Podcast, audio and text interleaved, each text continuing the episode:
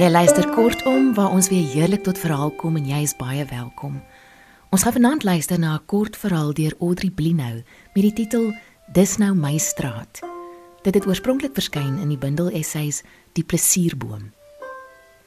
Ons het laas keer soveel positiewe terugvoer gekry toe hierdie leser hierdie skrywer se verhaal voorgeles het dat ek se muur weer gevra het dat sy sommer daar op die plaas op 'n klip tussen al die diere vir ons sit en voorlees.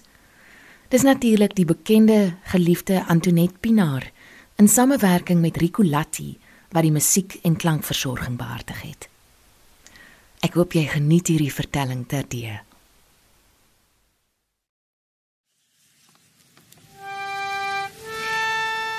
Ek sit ver oggend met my rug teen 'n groot klip wat warm gebak is deur die son hier in 'n droë rivier loop.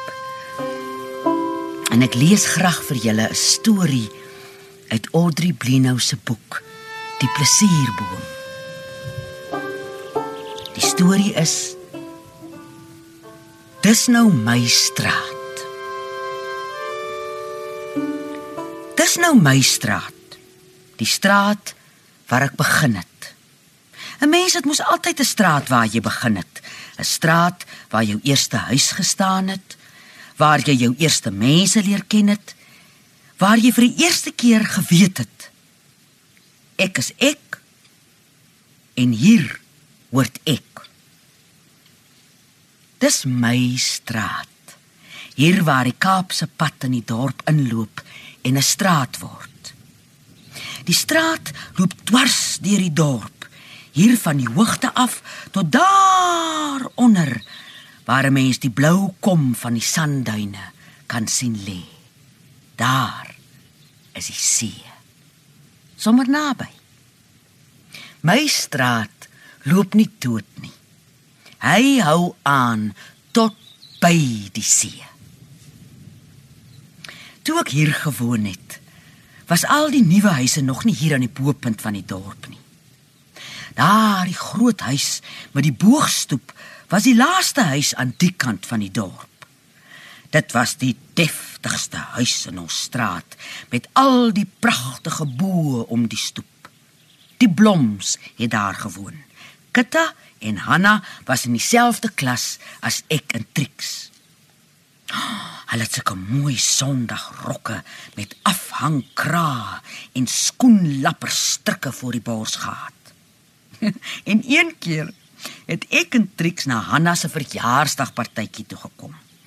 In so gestry oor wie die persent gaan gee dat ons die papier van die pakkie afgeskeur het en eers weer moes omdraai huis toe om 'n nuwe papier te laat omsit. Toe kom ons eers op die rooi jelly draai by die partytjie aan, toe al die reënboogkoekies al op was.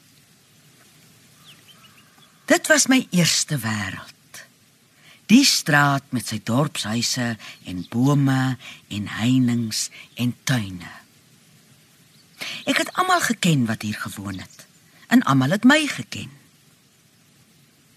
In die huis bo kan die skool het ons prinsipaal gewoon, meneer Liebenberg.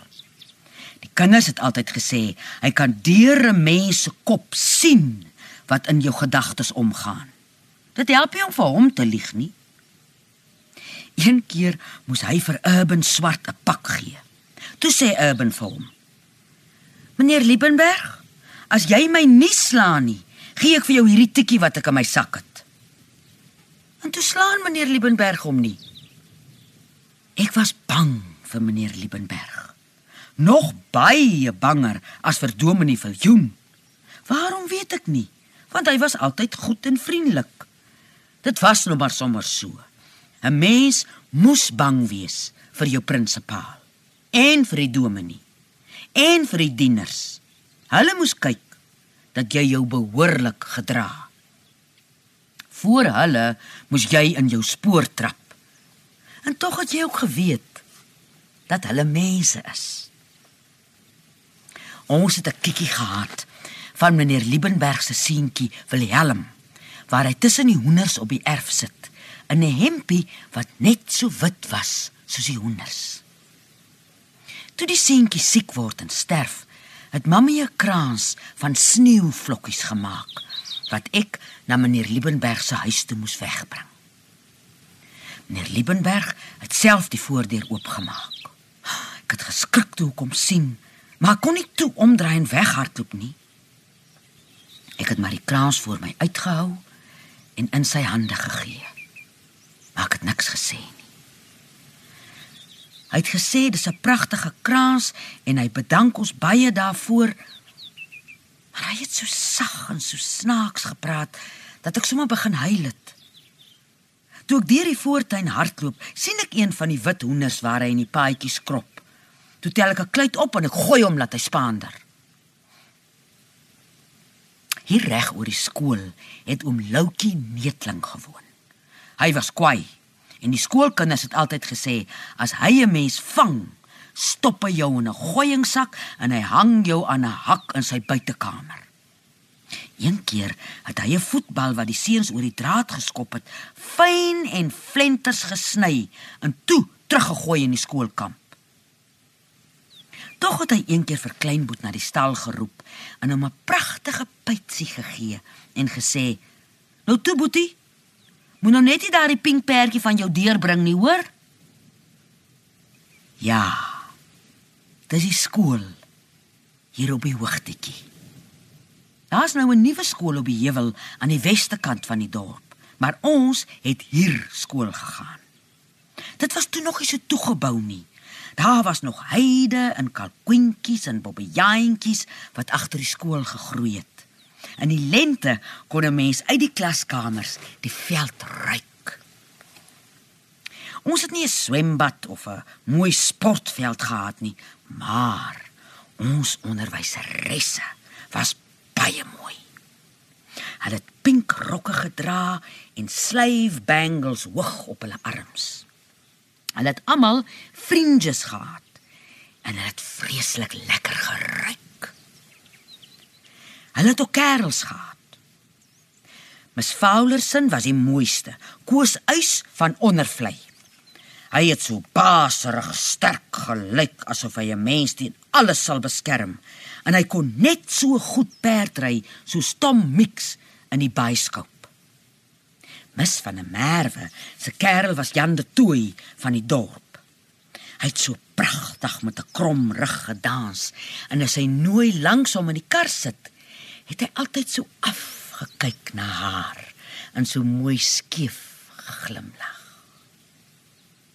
Mis Magnus se kerel was Meiburg Eksteen wat vreeslik goed kon tennis speel en swem en het baie mooi gelyk in sy baaibroek. Ons het altyd na hom gekyk as hy by die treetjies afgaan om te gaan swem op Waarnyskraas. Ons het als van die kerels geweet en dit was net so goed soos byskap.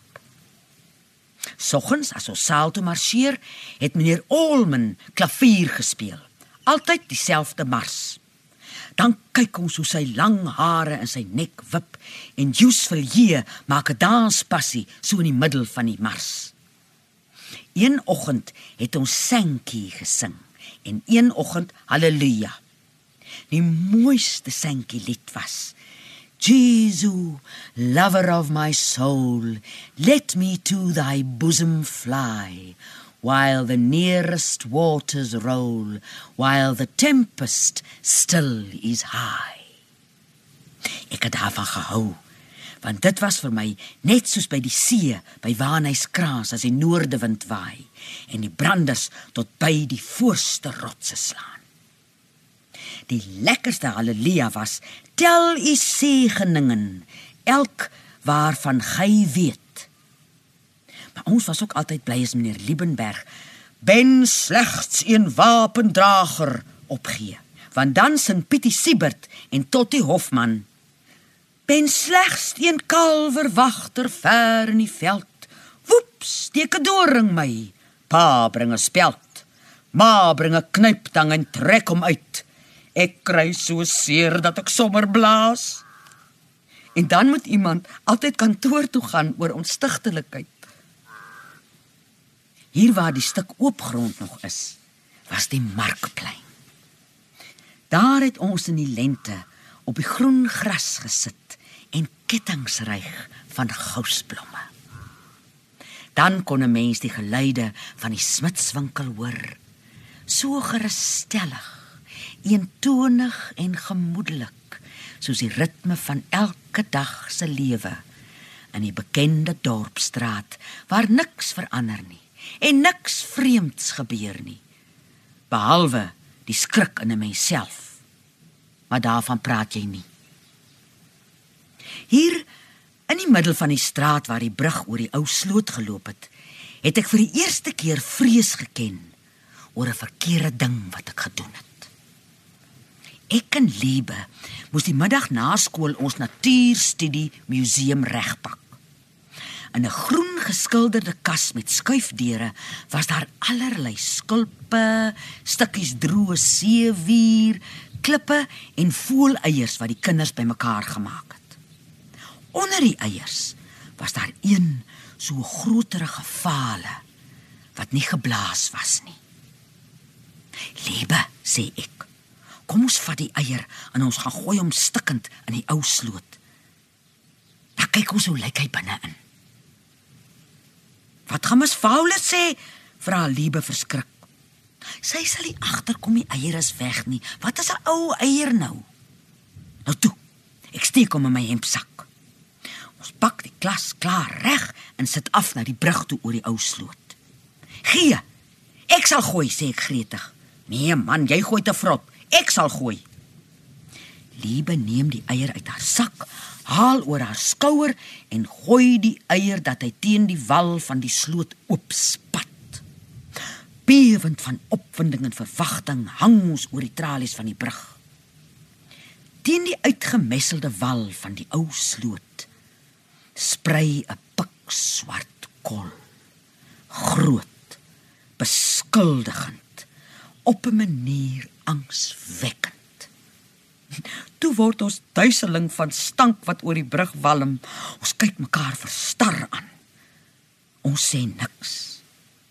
Maar ons is met eens bewus van 'n aakligheid wat uit die ou sloot gekom het en die lig waar ons staan besmet. Die stil, sonnige middag is weggeruk en teen die wal van die ou sloot gegooi waar die stinkende swart kol nou groter en groter en groter word. "Sis, almagtig, wat gaan hier aan?" sê Piet Baadjies wat by die deur van die smidswinkel uitgekom het. Toe hardloop ons, liebe by die Suistraat op na hulle hotel, ek aan die Langstraat af huis toe. Ons het nooit weer met mekaar of met iemand anders oor die eier gepraat. Maar altyd daarna het ek geweet dat daardie eier een van die dinge is waaroor ek hel toe sal gaan. Hier waar die groot blink winkel van die koöperasie nou staan, was van As se winkel. Toe ons matriek klaar geskryf het, het Tottie Hofman hier vakansiewerk kom doen. Die middag toe ek en Jansie die uitslae gehoor het, draf ons winkel toe om vir Tottie te gaan sê dat hy ook deurgekom het. Tottie was 'n mooi seun en ons sou hom graag vir 'n kerel wou gehad het. Maar hy het nie by een van ons ooit gekuier nie. Tog. Mes kom ons daarom vir hom gaan sê van die matriekuitslae. Ons loop die winkel in. Daar is die gewone laatmiddagse bedrywigheid om die toonbanke. Ons ruik die bekende ou winkelreuk van geel seep en leerstewels en suiker en dadelkas. Toe sien ons vir Dottie. Hy staan op 'n leer, druk besig om 'n eislike toring wit emalje kamerpotte op 'n rak te pak. Middag Amanda, middag Jansie, groet om boy van as ons. Dottie kyk nie om nie. Ons sien net hoe rooi sy ore word en hy pak die potte asof hy bakstene gooi. "Wat kan ek vir julle dametjies doen?" vra Ombooi. "Ons wil bietjie na die baie kostuums in die damesafdeling kyk," sê Jansie vinnig. So het dit gekom dat ons toe nie vir Toti die matriekuitslae gesê het nie en dat hy ook nooit een van ons se kerel geword het nie. Gebou met die vleurige vooraansig is die dorp se baaskoop. Toe ek in die straat gewoon het, was dit Torpie se baaskoop. Torpie se talkie het ons dit genoem. Al was die regte naam The Regal Theatre. Torpie het in die huis langs die baaskoop gewoon.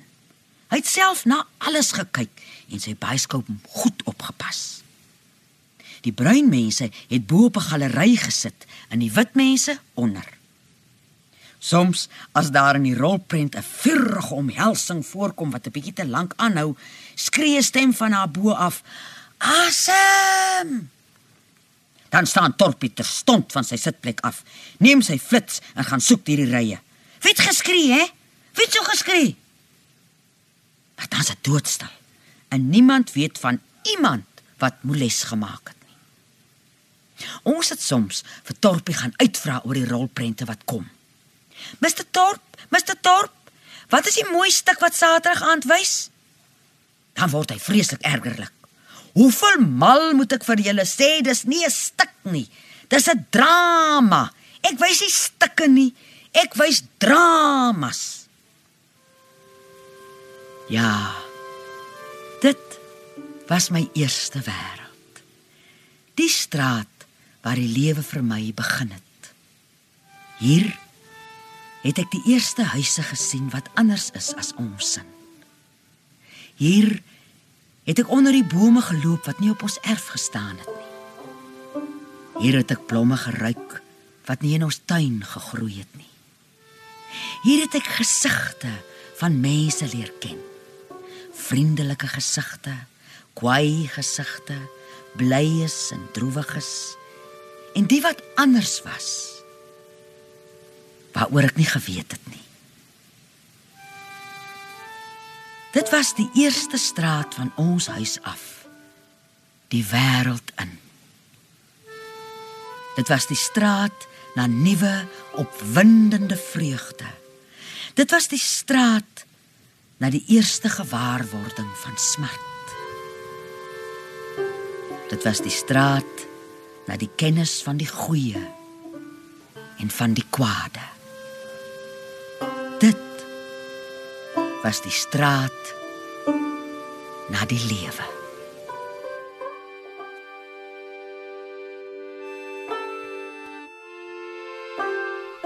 Dit was dan Dis nou my straat deur Audrey Blinou.